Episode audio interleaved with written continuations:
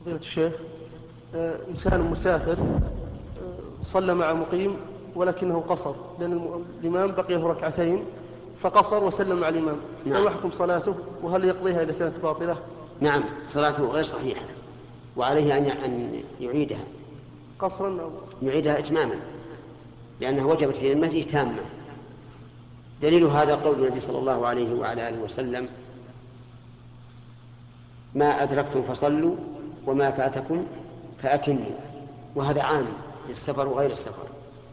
وسئل عبد الله بن عباس رضي الله عنهما ما بال الرجل يصلي ركعتين ومع الإمام أربعة؟ قال تلك هي السنة. فبلغ جزاك الله خيرا بلغ من فعل هذا أن يعيدها أربعا حتى تبرأ ذمته.